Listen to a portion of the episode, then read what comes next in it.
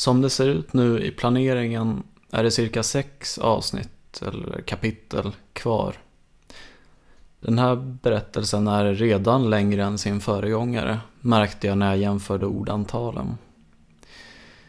Det har varit rätt många avsnitt nu som inte har varit så värst händelserika, men de har haft sin funktion att etablera livet jag levde och eh, huvudpersonerna, så att säga. De kommande avsnitten kommer ha mycket högre densitet i faktiska viktiga händelser. Tror nog det blir bra. Jag provar att göra en liten marknadsföringskampanj på min Facebook-sida. Man fick gratis ad credits till ett värde av 5 dollar. Får se om det hjälper något. Vill ni hjälpa gör ni det bäst genom att dela avsnitten på Facebook eller Instagram kanske. Lägga upp er story och skriva något fint. Kanske skriva en recension på Facebook-sidan. Eller swisha en liten slant på 073-8755896. Jag är så himla rörd av, av ni fina själar som hjälper mig hålla mig ovanför vattnet. Nu börjar avsnittet.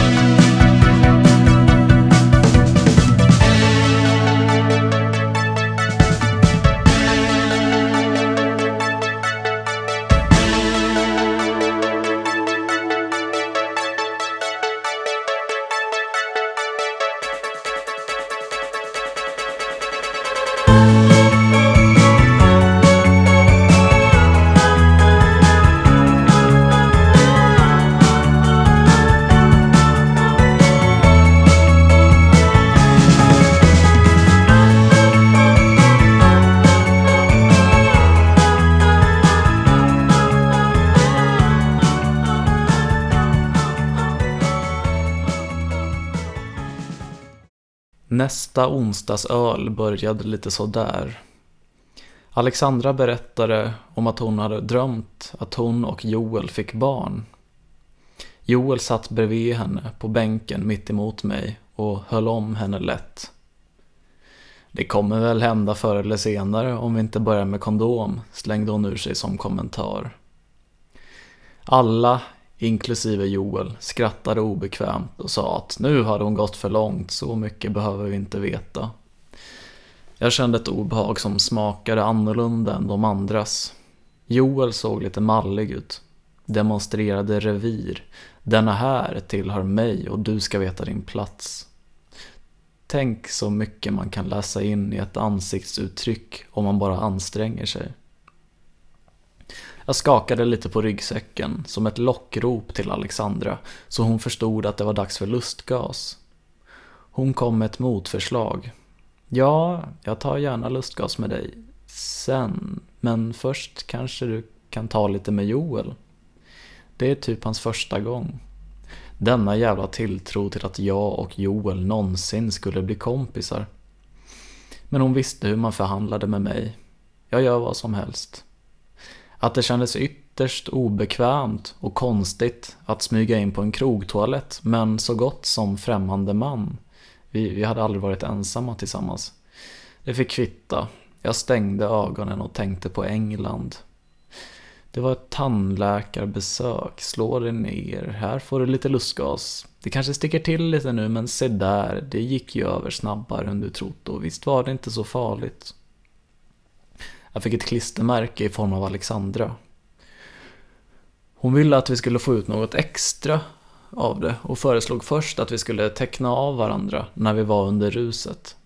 Det blev lika dåligt som det låter. Vi provade istället att beskriva den andra i skrivna ord istället för bild. Tanken var att ruset skulle förhöja associationsförmågan och dämpa de vanliga spärrarna från att tala ens hjärta hjärtas innersta språk. Jag ska läsa alla böckerna igen och jag ska aldrig leka med min bäste vän.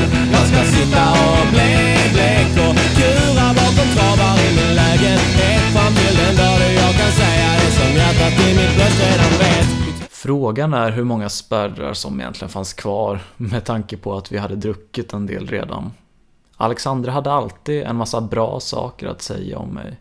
Att jag var intressant och kreativ och så vidare. För mig var det svårare att säga. Hon hade liksom ingen hobby på det sättet. Ja, detta är en hobby det jag gör nu. Inget jobb och verkligen inget kall från ovan. Ofta blev det mer att jag radade upp olika kvinnliga dygder. Att hon var omtänksam, varm, inbjudande. Den här gången skrev jag att hon var slående vacker både inuti och utanpå. Att jag inte hade i närheten av lika kul med någon annan person. Och att hon var min bästa vän. Hon kramade om mig. Jag var hennes bästa vän också. En bästis. Det hade aldrig hänt förut. Kändes fint. Fortfarande idag förstår jag mig inte riktigt på leken Jag har aldrig. Är det så att man ska säga något som man har gjort eller ska man säga något man vet att någon annan vid bordet gjort? Eller är det bara att allmänt fiska efter saftiga detaljer i bordskamraternas privatliv? Jag försökte vara lite rolig på ett skamlöst biktande sätt som, som jag brukar försöka och sa Jag har aldrig hotat med självmord när någon velat lämna mig. Jag var inte ensam om att dricka en klunk öl och Alexandra kollade på oss båda med en trött, besviken och lite dömande blick. Jag hoppades att hon förstod vad jag syftade på, för det hade jag berättat om för henne. Det kanske var att hårdra det, att kalla det jag sa till Jenny att hota med självmord, men det har en bättre svung än att säga jag har aldrig frågat skulle du bry dig om jag dog när någon velat lämna mig. 6 november. Bakgrund. Jag gick själv på CB Comedy när Alexandra stannade hemma och lagade vegetarisk korv med Joel. Jag skrev till henne för att informera om att hon missade sin favorit Carl Stanley. En timme senare. Jag. Jag är ensam Saknar Jenny. Alexandra. Jag förstår det. Men det finns någon annan för dig. Jag. Jag vill inte ha någon annan. Jag vill ha Jenny. Alexandra. Men du, gubben. Jag. Jag jobbade utan hörlurar igår. Det var ett misstag. Alexandra. Sög det. Kan förstå det. Jag. Det var skönt på ett sätt men, men jobbigt också för att jag inte kunde distrahera tankarna. Jenny var överallt. Jag såg spår av hennes drag i varje ansikte på gatan. Antydningar av hennes figur i varje kvinnlig kropp på Östermalm. 9 november var en vanlig kväll. Alexandra hade haft ont. Hon misstänkte en sprucken cysta på äggstockarna. Innan dess hade hon jobbat ordentligt. Därför svarade jag visst när hon frågade om Filippa fick följa med till Carmen. Det hade varit oförskämt att börja käfta emot. Alexandra gillade Filippa och det fick jag bara leva med. Vi hade båda ansträngd ekonomi vid tillfället, trots att inte ens en halv månad hade gått sedan löning. Men ut och dricka skulle vi bestämt, ty den som är svag för rusdrycker hittar alltid en extra ficka att gräva slantar ur. Vi satt i källaren. Jag försökte undvika att censurera mig själv allt för mycket. Så jag gjorde någon referens till Music Yearnings podcaster som jag blev tvungen att förklara för Filippa. Jo, det är en podd om det här av de här, men det är nog inget för dig. De drar rätt grova skämt. Vad då då? Jag gillar grov humor. Så länge det inte är rasistiskt, sexistiskt, homo, trans eller funkofobiskt. Ja, som sagt, det är nog inget för dig. Du måste sluta gå runt i kort kjol på stan. Annars din pappa och bror får skämmas som fan. Springer runt och lockar massa pojkar hela dagen. Sluta nu. Och om du är en pojke som gillar en annan man Eller din familj känner stor, stor skam. Innan de kommer och straffar dig med blam, blam, blam. Sluta nu. Efter ett tag förflyttade vi oss till Kellys. Carmen hade inte stängt den, så jag kan inte komma på någon anledning till varför vi gjorde det. Jag satt med penna och block och tecknade både Alexandra och Filippa. Den senare mest för att inte skapa onödig obalans. Alexandra inspirerades av mitt snustrick och lyckades bjuda in en ensam tjej till vårt sällskap. Sen var Alexandra tvungen att dra, men och hon gav mig en blick som kommunicerade Go get her Tiger och You owe me one. Men den här tjejen var inte särskilt intressant, bodde i någon sonkig förort, lyssnade på tråkig generisk musik. Jag bodde också i en förort som nog fick kallas sonkig och eh, faktum var att hon också hade bott i Haninge. Men vi var av helt olika slag. Man kan säga extremt mycket negativt om mig men tråkig musik lyssnar jag inte på. Och jag har en del medelintressanta hobbys och intressen. Jag tror när jag gjorde någon avbildning av henne också. Därefter var det bara jag och Filippa.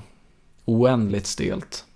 Jag försökte bejaka hennes särart och tog upp en serietecknare jag hade träffat som också var transperson. Då höll hon ett brandtal om hur fel det var att outa någon som trans utan att hen bett om det. Jag kröp ihop till en liten boll och klämde ur mig med en ynklig röst att han faktiskt var väldigt öppen med det. Filippa gick på toa. Nu var det akut. Jag behövde en utväg illa kvickt. Skrev till Robert. Hallå? Är du ute? Jag är på Kellys. Han svarade att han var på far och son och jag bjöd in mig själv innan han hunnit göra det åt mig. Filippa kom tillbaka och när jag förklarade läget undrade hon om hon fick hänga på. Fan också. Men självklart får du det. Nu var det jag som ursäktade mig till badrummet för att förklara att jag inte skulle komma ensam. Och för att vara extra fobisk outade jag henne som trans för att göra Robert förberedd. Bad honom att inte göra någon grej av detta och inte låtsas om att jag hade sagt det. Jag och Filippa gick dit och jag hade en knut i magen, främst faktiskt för att Björn skulle vara där. Men vi fick väl köra samma strategi som på jobbet. För kom ihåg, vi var fortfarande kollegor på Citymail, trots att vi var ovänner. Han hade fått ett vikariat nu dessutom, så han skulle väl stanna där länge. Men det löste vi så enkelt som att inte låtsas om varandras existens. Kristina var där också så det skulle väl bli kul. För min del blev det helt okej okay, kul. Filippa och Kristina hade däremot haft väldigt trevligt, fick jag höra från Alexandra. Filippa hade hakat på till någon klubb som vi andra hade vett att förskona oss från. Och när Alexandra vaknade på morgonen var de tre i lägenheten. Jag skulle senare få veta från Kristina att hon inte hade vetat att Filippa var trans förrän hon tog av sig kläderna. Men att en glad överraskning hade gömt sig under trosorna. Så jag hade kanske inte behövt förvarna. En kväll när jag kom hem frågade Danne om jag ville ha lite röka. Han satt och bolmade för fullt på sin stora svarta soffa. Jag tackade artigt nej och förklarade världsvant att jag mest, jag mest fick ångest och sånt, men att jag avundades er som fick god effekt.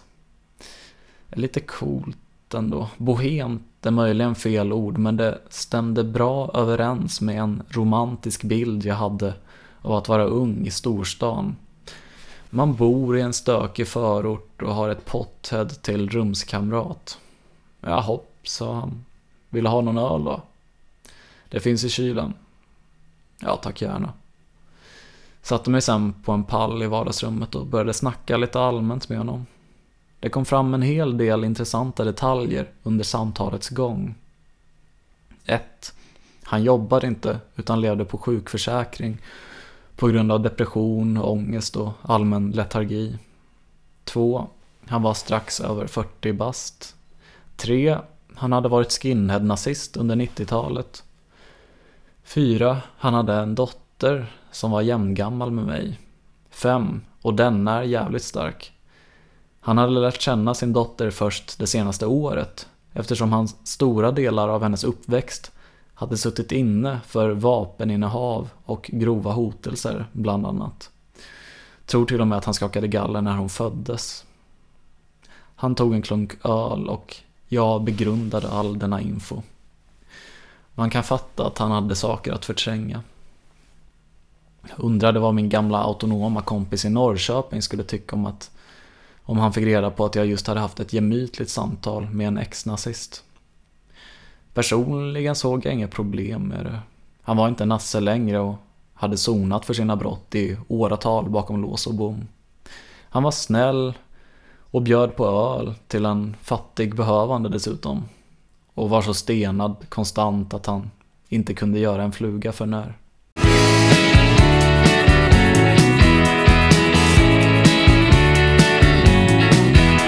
has been a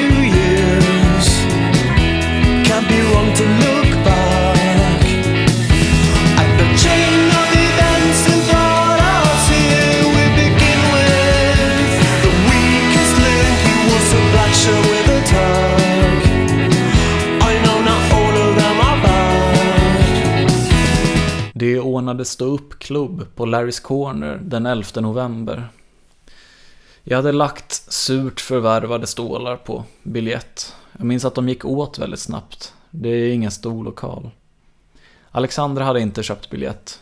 Vi var i och för sig lika fattiga båda två, men hon var mer ansvarsfull med plånkan.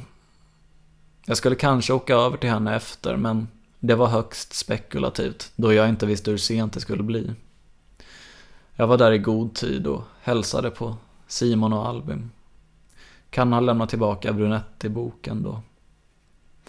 En sak som gjorde att jag verkligen såg fram emot kvällen var att jag ganska nyss hade fått höra att Anton Magnusson skulle köra. Han hade, som de skämtade om i specialisterna, varit under isen mer än ett halvår. Eller okej, okay, han var ju med i Slängde i brunnen senaste sommaren, men jag tror att detta var första gången han uppträdde sedan dess. Jag pratade lite med Kirsty Armstrong. Hon var väldigt trevlig och jag blev lite betagen av hennes skönhet för jag lovade henne ett porträtt. Ett löfte som jag inte hållit än. Snygg och sexig, hon utnyttjade kroppen sin i akten sen när hon satt på pianot. Fortfarande ingen humor i min smak, tyvärr. Jenny hade haft rätt. Jag skrattade inte en enda gång. K. Svensson kom också. Han skulle uppträda i andra akten. Jag passade på att bjuda in honom till Musikens Makt och han lovade att komma när hans bands QKs skiva hade kommit ut. Vilket inte skulle dröja särskilt länge, sa han. Ett löfte han inte hållit än, men det kan man förstå. Han är ju trots allt Sveriges mest upptagna man. I pausen beklagade jag mig över ölpriset och hur fattig jag var för Albin. Och han sa att, vet du vad? Gå över till Coop tvärs över gatan och köp 12 folkisar så swishar jag. Sent på jorden, tidigt på dagen. Gå till Zackes, gå till Zackes.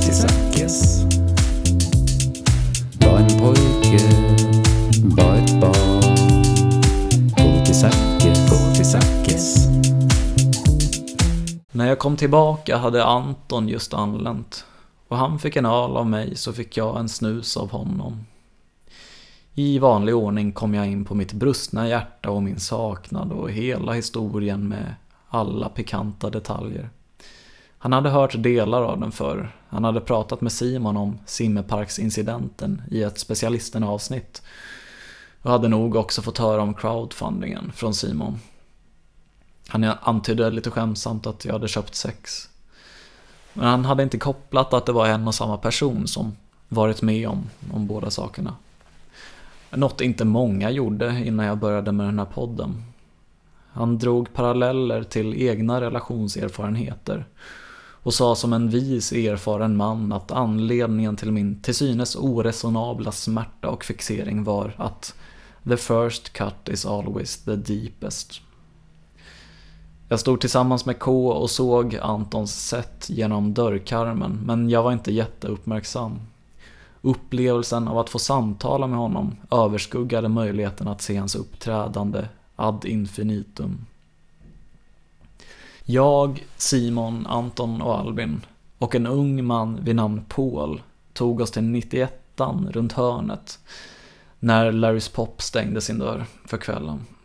Denne Paul berättar att han hade sett mig när jag var förband åt Four Lua i augusti.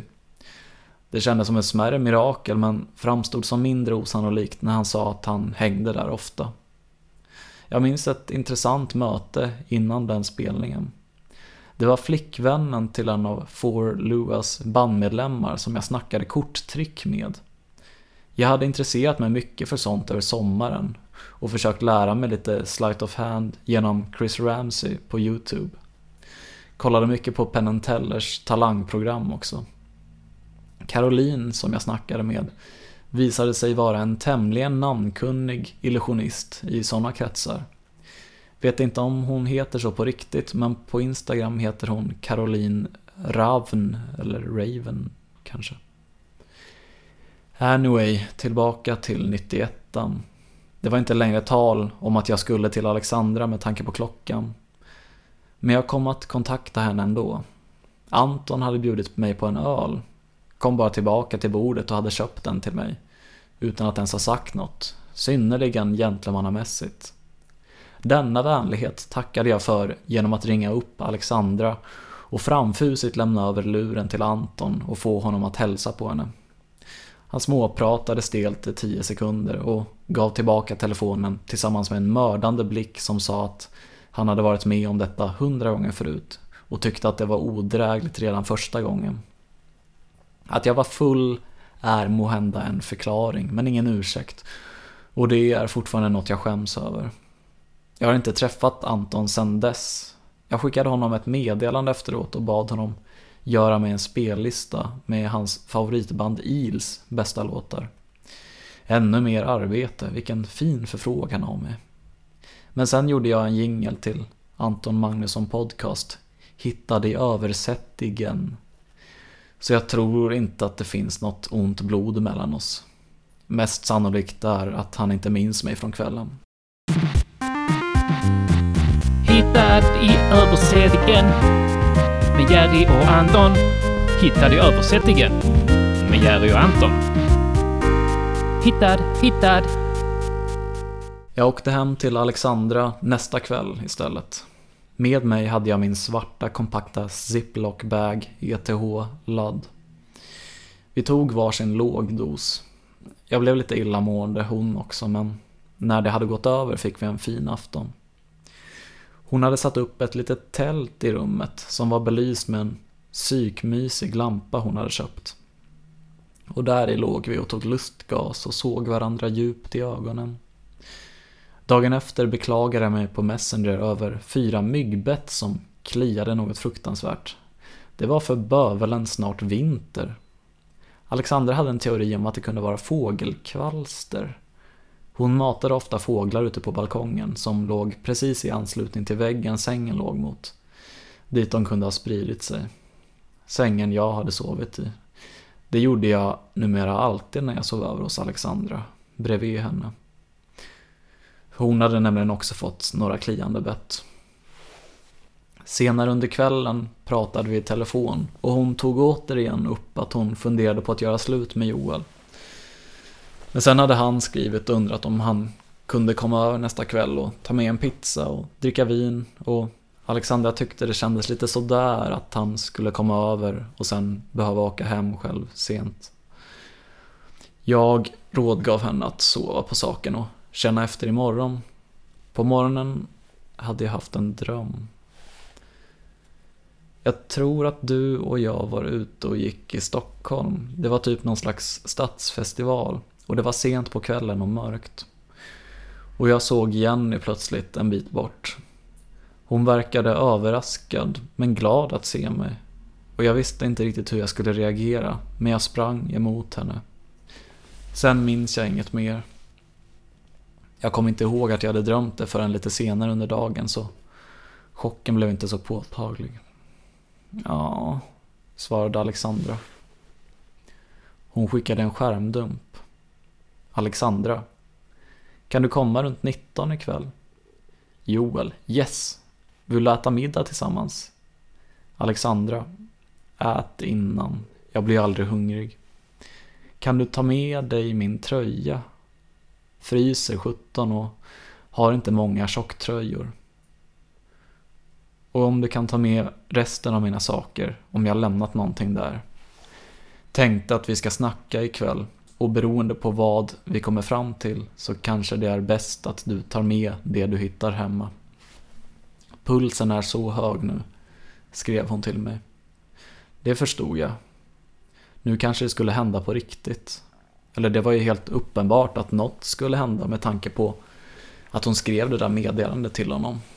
Jag fick bara bida min tid. Jag gick ut till köket för att hämta lite vatten men aktiviteten avbröts av att Danne presenterade mig för en speciell person. Han hade besök av sin dotter. Jag blev bjuden på alkohol och efter ett tag blev jag full i fan och drog min relationshistoria.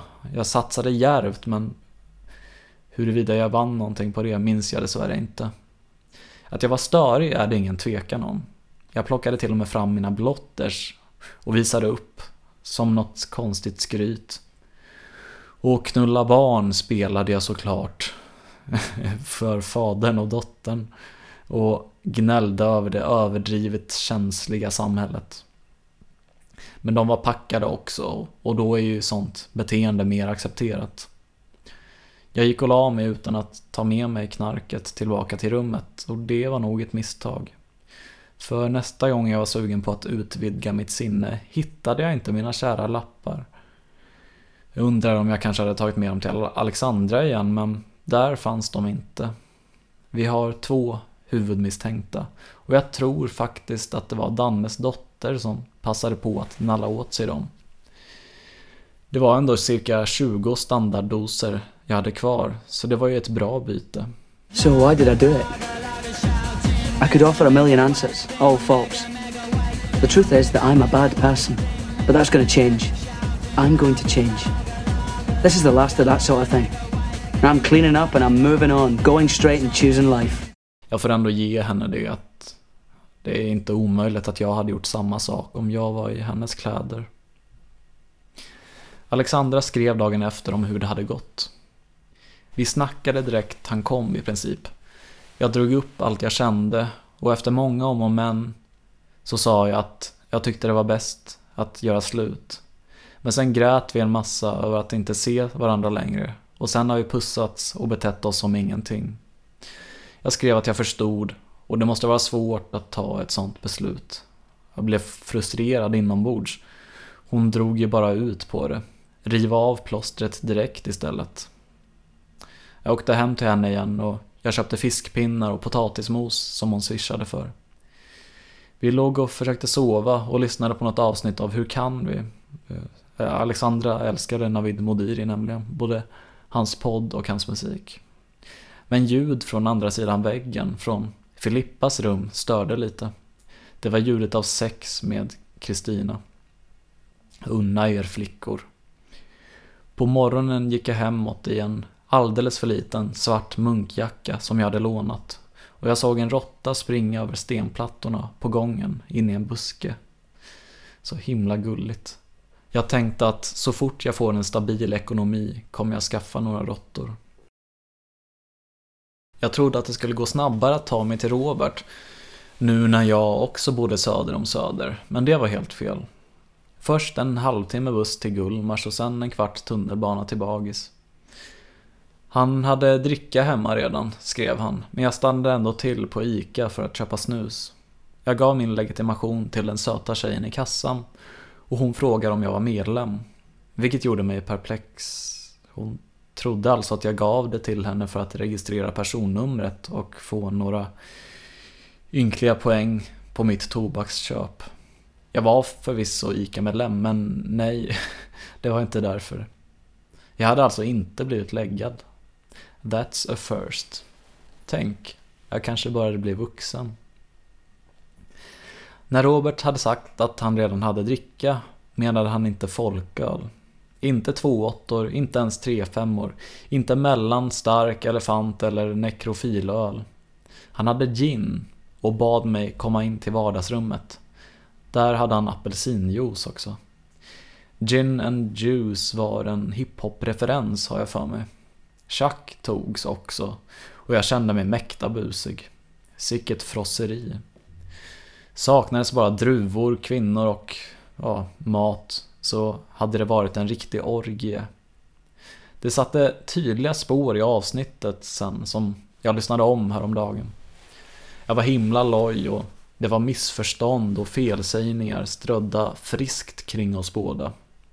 Both sides now bonanza döpte vi det till. Alexandra hade ringt upp på Messenger innan vi började spela in. Hon hade tidigare under dagen skickat en låt av Ola Aurell. Nu var hon full tillsammans med Koski och sa att vi måste spela låten i avsnittet. Vi sa vi får se och la på. För att bli kär är som att stå på en balkong och se en fågel som man döper till professorn och sen fingra sig rektalt. Det är mänskligt sett rätt så normalt. Men lite knäppt på samma gång. Ut på lokal skulle vi också. Här är ett tillfälle då det verkligen märktes att, att Robert var autist.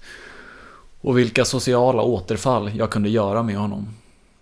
Ingen av oss hade varit på Söder bar och restaurang förut. Men den fanns på Roberts hemsida och var därför ett certifierat sunkhak. Det var ett billighetsliv jag sökte. Mer av ekonomiskt nödtvång än något annat. Och baren låg väldigt nära Skanstulls tunnelbana. Sent som det var stod det förstås två vakter utanför. Men vi tänkte att det absolut inte skulle vara något problem. Hur mycket har ni pojkar druckit ikväll? Jag lät Robert svara. Några glas vin, två, tre, typ. Jag fnissade inombords. Det var en bra lögn. Vilken kick vi skulle känna efter att de gått på det och vi kommit in. Tyvärr, det blir inget för er ikväll. Jävligt förnedrande. Robert sa, jaha. En av dem pekade på mig och sa, du har lite vitt under näsan. Jag och Robert, vi, vi var alltså båda så autistiska att vi under den 30 minuter långa resan aldrig en enda gång hade kollat varandra i ansiktet så att Robert skulle upptäcka pulverresten.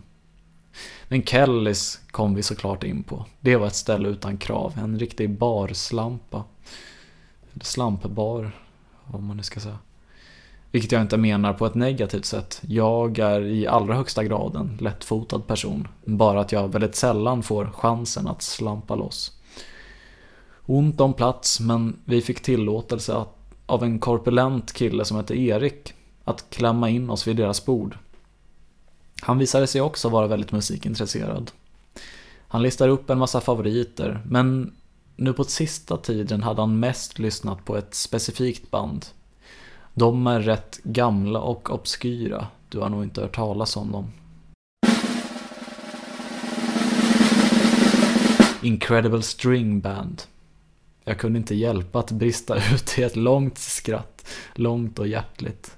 Om jag hade hört talas om Incredible String Band? Jo, jag tackar jag. Knackade Robert på axeln och bad honom berätta vad han tyckte om bandet. Erik såg helt förbluffad ut. Det var världens sjukaste grej att han hade träffat inte en utan två personer på krogen. I vilkas värld Incredible String Band var en fullkomligt axiomatisk referens och inte obskyra på något sätt. Det var ju kul att göra honom glad ändå. Att göra någon glad överlag. Det är inte varje dag, det är inte. Han la till mig på Facebook och jag har fått intrycket att han sysslar med musik av något slag. Såg ut lite som Niklas Lövgren.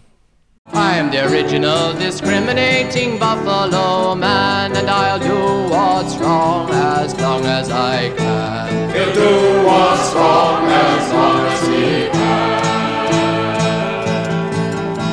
I live in a labyrinth under the sea, down in the dark as dark as can be.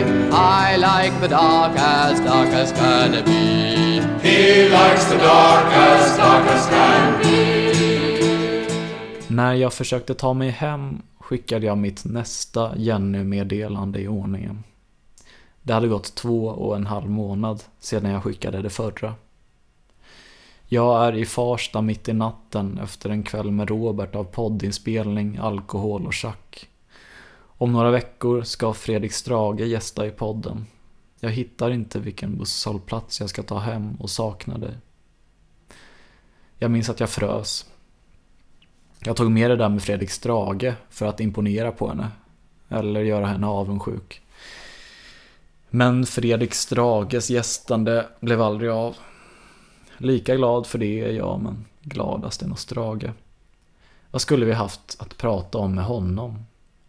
Vad för intressant har han att säga överhuvudtaget? Inget är svaret. Inget alls.